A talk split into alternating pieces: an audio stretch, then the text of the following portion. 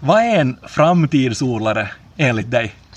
Det är en som klarar av att anpassa sig enligt samhällets ändrade krav och, och att producera mat. Att det där, jag vill betona vikten av att producera mat. Att det, det är nog vår grunduppgift. Att vi, kan, vi kan plöja ner kol men den dagen vi blir hungriga så kommer vi nog ihåg vad vår grund, grunduppgift är.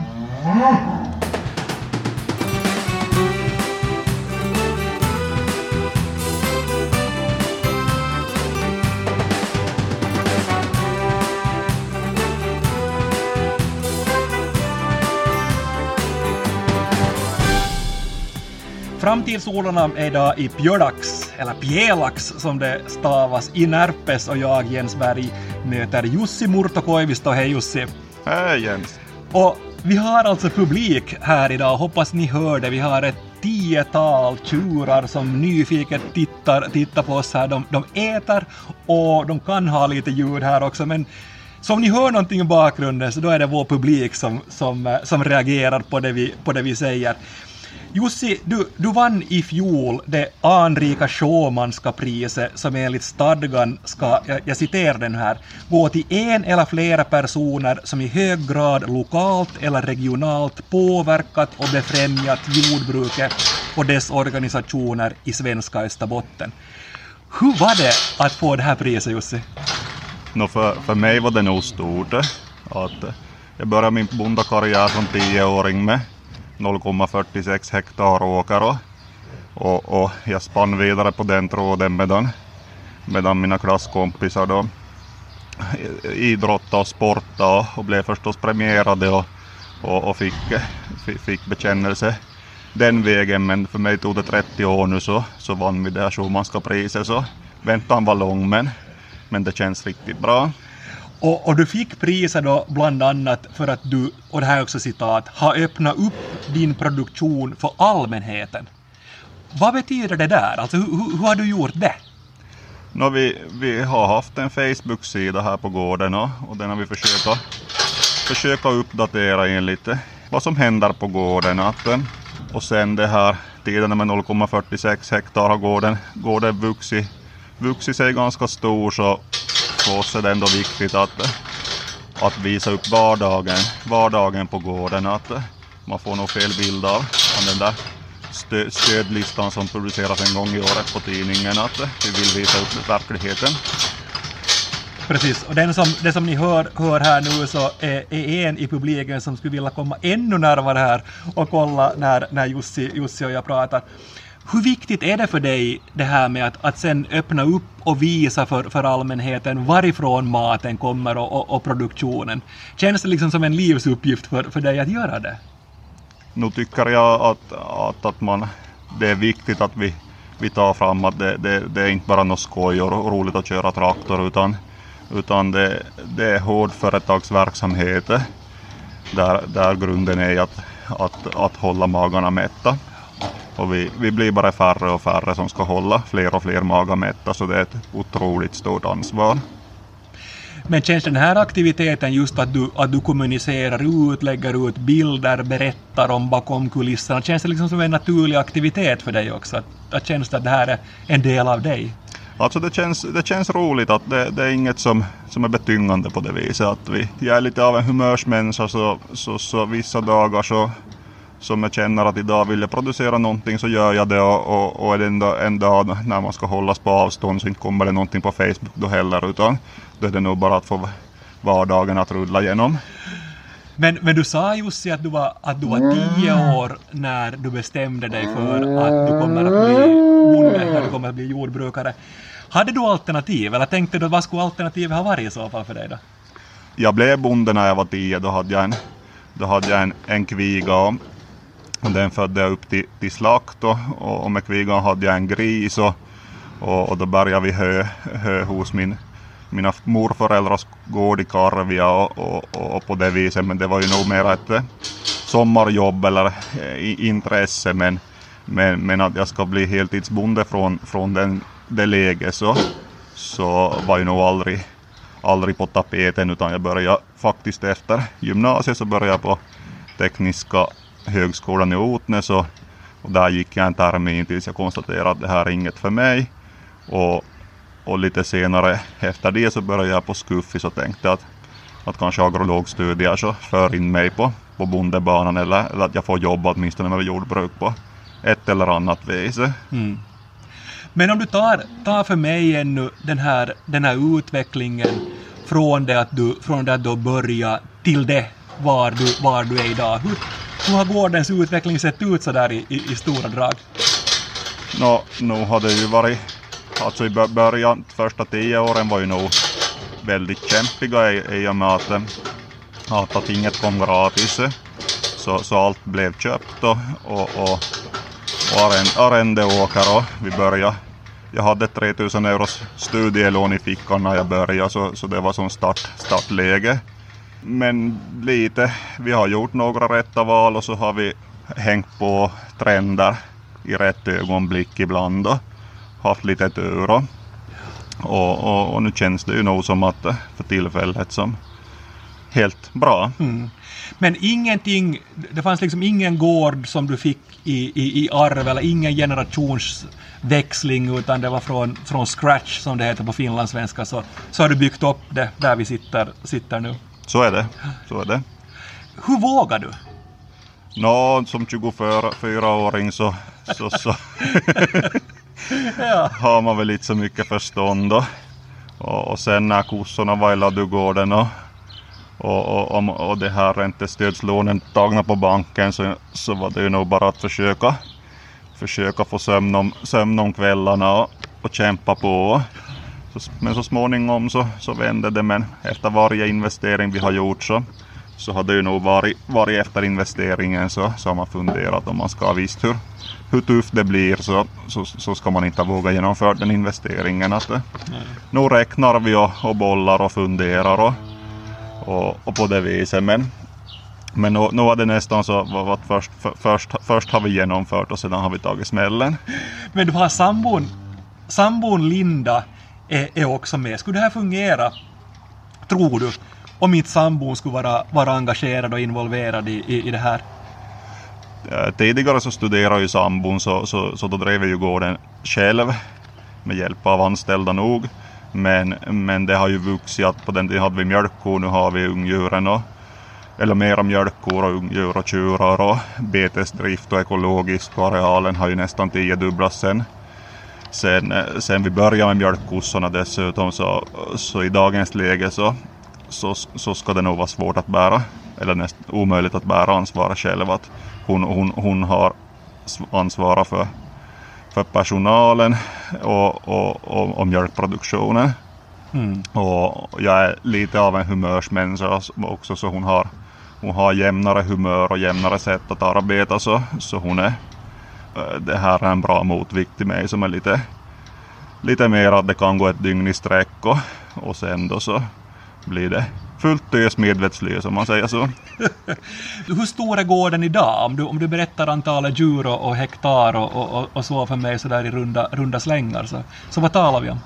No, I den här Höjdaladugården så, så ska det vara 55 kossor. Vi hade en ljuvarsjukdom i fjol så vi har lite tappat men vi är på väg dit igen och alla kalvar där det föds i princip en kalv per kossa per år. Så, så, så blir det flickor så föds de upp till nyrekrytering och ersätter en äldre kossa så småningom. Och, och blir det, blir det tjurkalvar så, så föds de upp till slakt.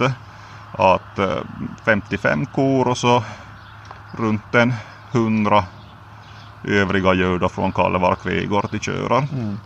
Totalt 150 cirka.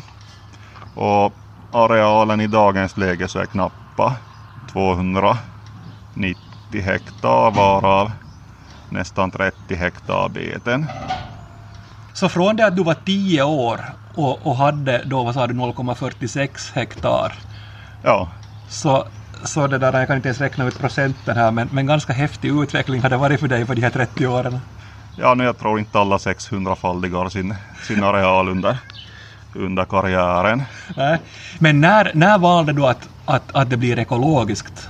Att det blir en ekologisk gård?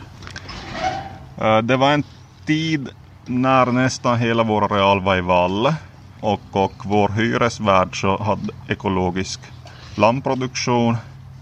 jag började titta på det där att gräset växer nog helt okej i ekologisk produktion och, och, och, så kom beslutet så småningom att vi lägger om åkrarna, åkrarna i ekologisk odling.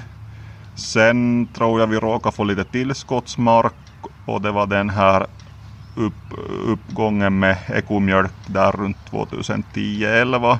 Så då hängde vi med på den trenden och, och ganska snabbt och där så, så flyttades mjölkkossorna över i ekologisk produktion. Och på den vägen är det. Dagens framtidsodlare heter Jussi Murto Koivisto. Vi sitter i Pjödax i Närpes och vi halkar in på det ekologiska. Du är alltså Jussi då ekobonde, en ekoodlare. Om du enkelt för mig förklarar de största skillnaderna mellan att vara en konventionell bonde och en ekologisk bonde. Vilka är de största skillnaderna? Alltså de absolut största skillnaderna som, alla, som de flesta känner till är ju att, att det är förbjudet att använda syntetiska gödselmedel, syntetiska bekämpningsmedel, egentligen allt som är syntetiskt. Att, att vi, får, vi får använda organiska gödselmedel och, som härstammar sig från konventionell odling men, men inget syntetiskt. Det, dessutom då så, så ska ju de här åkrarna ha en, en bestämd växtföljd eller en planerad växtföljd där det ska ingå en, en viss andel baljväxtår och baljväxtår är ju då år med, med klövervall eller bondböna eller ärte. Alltså sådana växter som klarar av att eh, bryta ner koldioxid till kväve ur luften. Som kallas för kvävefixerande växter. Ja. Och, och, den här växtföljden då så, så övervakas vid, vid årliga granskningen och, och gör helt enkelt den här ekologiska produktionen hållbar. Ja. Sen, sen finns det ju allt mellan jord och himmel med, som, som man inte tänker på att det finns begränsningar på mycket spaltyta. Hur mycket mera byråkrati är det? För att jag har förstått att det är mera byråkrati att vara ekobonde än konventionell eller är det bara en fördom som jag har eller någonting jag har hört? Alltså lagarbokföringen är ju enorm. Det, det ska nästan finnas lagarbokföring på allt och så ska ju finns, finns det här sparas inköpta verifikat, räkningar. Att, att det ska vara pappren i skick. Mm. Och så har vi den årliga granskningen som vi, som vi betalar själv nu då. Från, från detta år betalar vi det dessutom på teambasis. Så, så, och den, den granskningen då så går vi igenom alla papper på. Och det är mapp, det, det är mappvis de är inköpta. Inköpta fodermedel, gödsel, utsäde och allt ska prickas av att det utsäde som har blivit köpt en viss tidpunkt fick köpas då. Som vi har gjort. Mm. Och då får du, efter den granskningen så får du då i princip ett certifikat eller en grön stämpel på att din gård är fortfarande ekologisk. Så funkar det att, att granskningsrapporten åker till LU-centralen och därifrån då kommer allt, allting sanktioner eller någon, någon, någon, någon det här. Det kommer ett utlåtande och, och så får man sitt certifikat förnyat och det finns ett elektroniskt register där man, mm. där, där man är där man är med och, och där finns också vilka odlingsgrödor då det, det året mm. som, som vi har på gården. Skulle du säga att dina åkrar och, och din gård är optimal för det ekologiska? Är den, känns det liksom sådär att okej okay, att den är det, det, är givet att med, den här, med de här förutsättningarna och den här geografin och de här åkrarna och, och ängarna du har här så är det ett, ett, ett, ett bra ställe att bedriva ekologisk odling på eller en ekologisk gård på. Det är lite på båda vis. Alltså vi, vi har ju lyckats att samla en hel del beten runt oss och, och till den får, den får vi att fungera, fungera helt bra. Sen, sen klart att precis som en husdjursgård går det annars så skulle det nog vara bra att om man ska ha, ha åkern samlad, samlad runt sig. Att, eh, vad som är optimalt vågar jag inte säga, men vi, vi får det att fungera. Våra byggnader, så, så även om det är ganska tungskötta och kräver arbetstimmar, så, så klarar de ekokraven. Så, så till den delen så, mm. så, så vinner vi. Mm. Uh, om man ser på på, på ekonomin kring en konventionell eller en ekologisk gård så kan man ju förstås inte dra alla, alla över en kam och så vidare. Men är det, är det liksom prismässigt också en, en motivering för dig att jobba ekologiskt, alltså att du får ut mera pengar helt enkelt av ditt arbete? Eller är det mera ideologiskt hos dig att ha en ekologisk gård? Om du förstår frågan, eller är det både och? Ja, jag, jag förstår frågan och, och precis som du säger så det finns det finns eh, gårdar det går bra för som är både ekologiska och som är konventionella. Det, det finns alltid de där topp 25 procenten. På vår gård så anser jag nog att den här ekologiska produktionen är en, en, en nischprodukt, en, en specialprodukt. Så, och, och, och, ska man hålla på med specialprodukter så ska man nog göra lite, lite mera vinst än om man ska hålla på med bulkvara. Så jag bedömer nog att för oss så är ekologiska odlingen lönsam mare än konventionell mm. odling. Ja. Men är det också ett, ett kall för dig? Att är det sådär att du, att du som människa känner att, du, att det är ett ekologiskt, en ekologisk odling och en ekologisk gård du vill driva? Uh, no, jag, jag började min bondakarriär som 10-åring och 20 första åren av mitt liv var jag konventionell bonde. Sen har jag kommit in i de här ekobanorna banorna, och jag ser mycket positivt och hållbart på den sidan.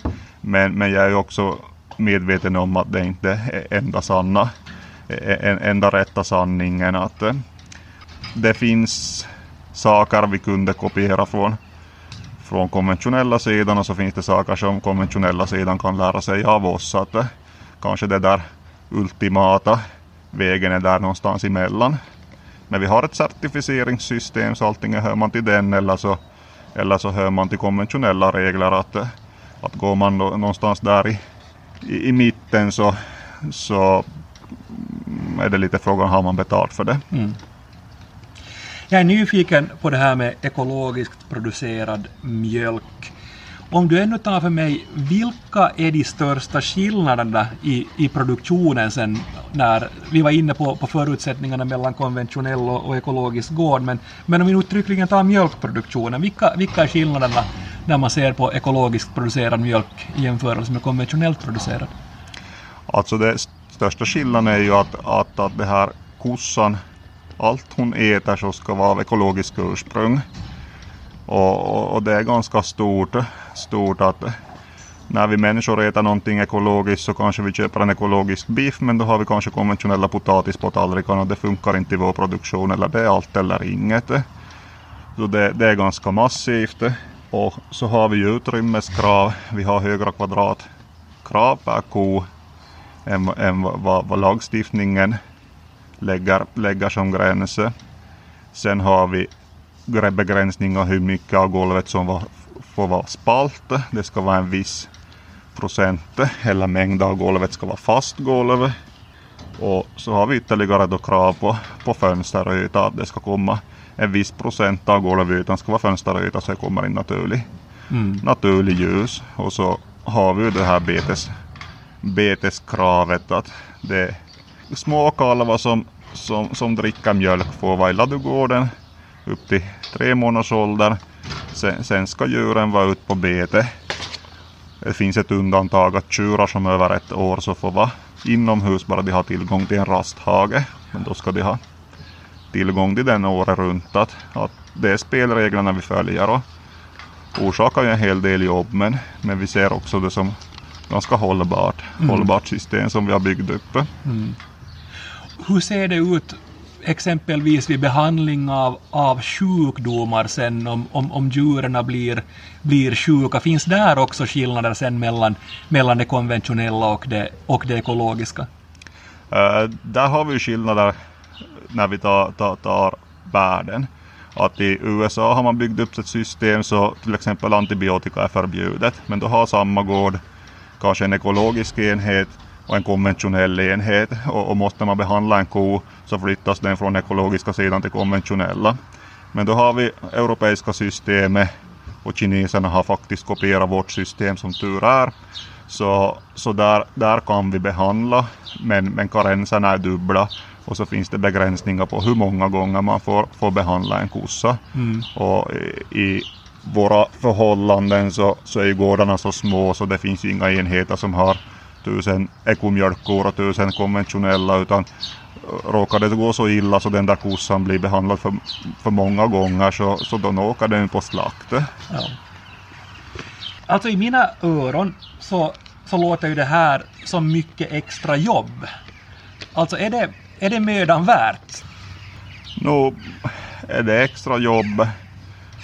Men jag tycker det är roligt. Alltså det, det är roligt att, att ha kossor på bete. Det, det är roligt när de hit, hit, hämtar sin föda själv i naturen. Och, och, och, och, den biten så blir ju inte belastad vartefter bränsle blir dyrare utan, utan det, det känns bra. Mm. Och de här kalvarna som, som klarar sig helt på betesgräs från, från det här juni till bästa fall november så, så det är ju otrolig avlastning på gården att, att, att du slipper att, att plocka fram det där fodret åt dig och du slipper att, att sköta utsädslingen och ströande och det, det går ingen halm alltså det, det, vi brukar få ut djuren på bete till, semester, till semestersäsongen börjar i ladugården så klarar vi semestrarna när vi har lite mindre, mindre jobb. Men vad säger du om smaken på ekologisk mjölk? Känner du, känner du skillnad på ekologisk mjölk och konventionellt producerad mjölk? Jag själv diagnostiseras med laktosintolerans för 20 år sedan och på den tiden fanns ju inte de här fräscha laktosfria produkterna utan det var ju de här socker, sockersmakande så då, då lämnade flytande mjölken bort för mig och jag satsade på att äta mera ost och yoghurt och så. Men, men de som dricker ur vår tank så säger ju att, att det här gröna gräset smakar, smakar i mjölken när betessäsongen börjar. Här 2019 så deltog vi faktiskt i en undersökning där vi skickade in prov på mjölken. Mjölken en hel sommar, sommar men, men vi har inte hört något svar från den. Okej, så ni väntar ännu, väntar ännu på den? Ja. Vi, vi väntar ännu på den, att, att vad det lämnar. Men, men i Danmark, enligt en dansk undersökning så så var det mindre fria fettsyror i, i mjölk, ekomjölken som, som förbättrar kvaliteten på mjölken. Och enligt Helsingfors universitetsökning så har ekomjölk 10-20% lägre klimatpåverkan. Så nu finns det positiva saker. Mm. Hur ser efterfrågan ut, eller hur, hur har efterfrågan utvecklats när det kommer till ekologisk mjölk i, i Finland? Alltså efterfrågan på ekomjölk så, så, så var ju ganska bra och, och, och öka hela tiden. Men nu verkar det lite som att, att de som gick från konventionellt mjölk till ekomjölk så, så kanske har tagit steget då ytterligare till, till havremjölk. Så vi har nog en tillväxt men, men, men, men den är lägre nu men samtidigt så, så backar ju backar ju konventionella mjölken så, så själva mjölkmarknaden ser ju inte så lysande ut som, som mjölkproducenter helheten. Mm. Och i bakgrunden så hör ni alltså publiken vår här. De, här är framförallt en söt tjur som, som gärna skulle komma, komma med i sändningen också. Han, han, han håller, håller på här och, kommer närmare och närmare oss hela tiden. Men det jag tänker ännu, ännu Jussi, hur, hur många här i, i trakten är nyfikna på vad du, vad du håller på med och sådär och kommer och funderar att ska de månne också gå över till, till, till ekologiskt från det, från det konventionella? Att det, märker du av att, att det finns, finns av, av dina kollegor här i trakten som, som nyfiket funderar vad han riktigt håller på med den där Jussi? No, alltså några år sedan så, så hade, var ju några projekt där och, och det hoppade ju en del producenter på och det ordnades lite kvällstillställningar och bland annat vår gård var ju föreläst på någonting och och då kom det, då kom det flera producenter med, med men för tillfället så har vi lite mättad marknad i synnerhet på spannmålssidan. Att det här ekoproduktionen har växt så pass kraftigt att marknaden inte riktigt hunnit med. Så jag tror att, att, att nu kan det bli lite lugnare tills vi fått en, en balans igen. Mm.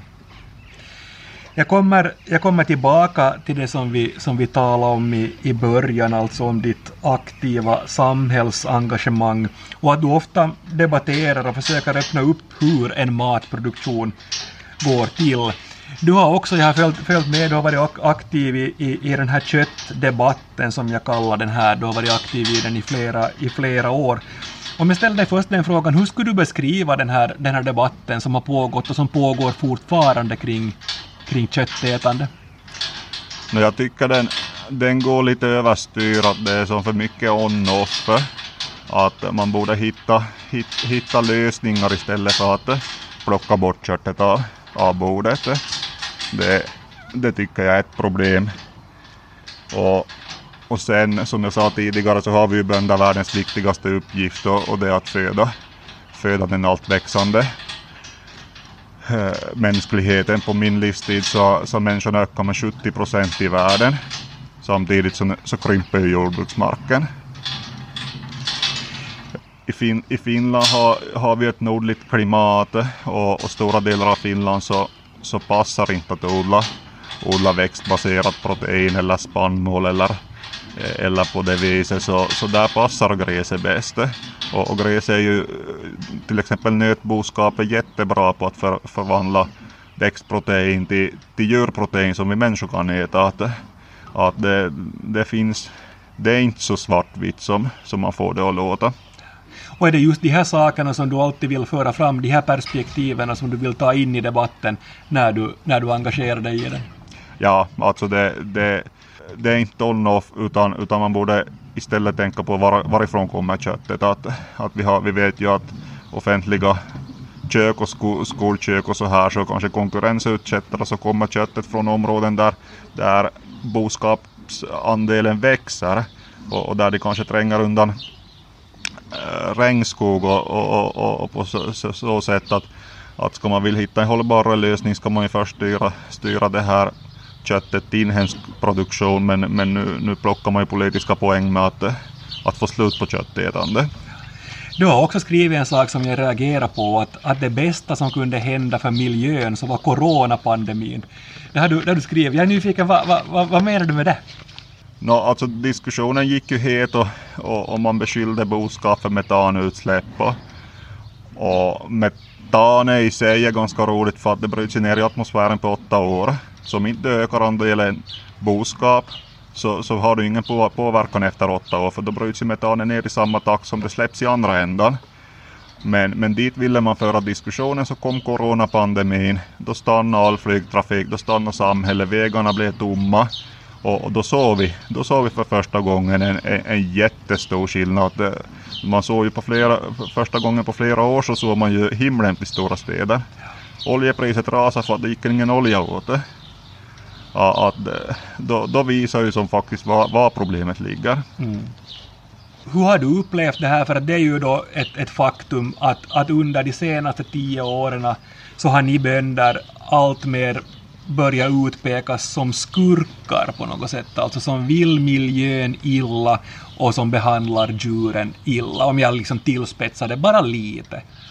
Ja, alltså då, nu känns det ju alltså det, det kommer i vågor. På 90-talet var ju, var ju det här vatten, Östersjön och, och, och det som var bönderna och, och nu har man lite, ja nu är det med där men nu är det ju klimatet och man hittar alltid nya infallsvinklar att, att attackera oss men men, men problemet är ju nog det att, att, att slutar vi producera mat så, så blir vi nog hungriga. Att, att det finns andra saker vi kan, vi kan justera men, men mat ska vi nog ha.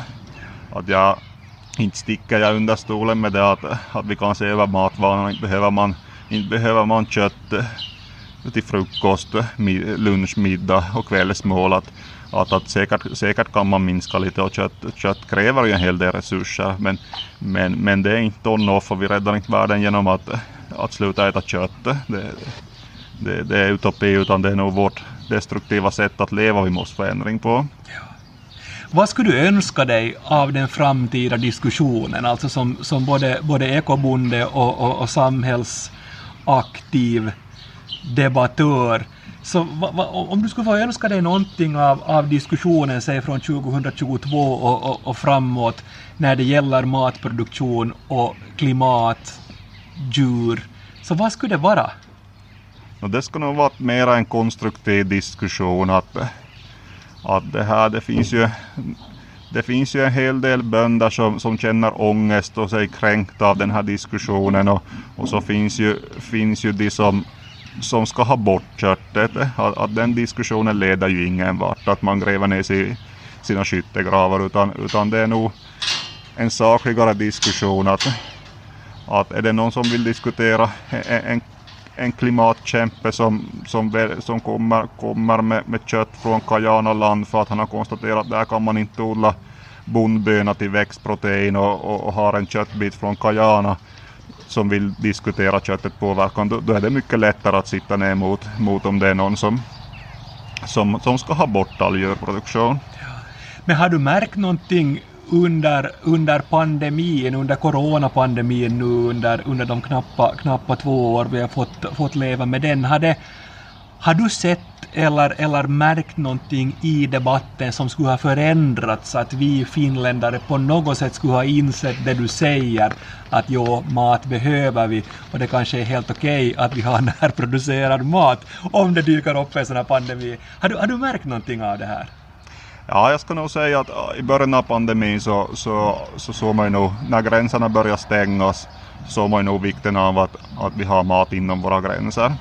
Och så har vi haft mycket andra skandaler ute i, i slakterierna ute i världen. Så, så jag, jag tycker nog, jag, jag, jag, tycker den inhemska konsumenten ibland så, så blir beskylld för att inte vara, vara så lojal mot finska bonden fast de facto tycker jag att, att, att, att inhemska konsumenten stöder oss, stöder oss bra och jag, jag vill tacka er för det. Att, eh, jag tror nog att de flesta finländare vet vikten av, av, av egen matproduktion. Tack Jussi Murto Koivisto för att jag fick besöka dig här idag. Det var, det var ett nöje. Tack. Tack Jense, det var roligt att ha dig här. Och tack för att du har lyssnat på det här avsnittet. Det blir en ny framtidsodlare och ett nytt tema igen om två veckor. Vi hörs då. Mitt namn är Jens Berg.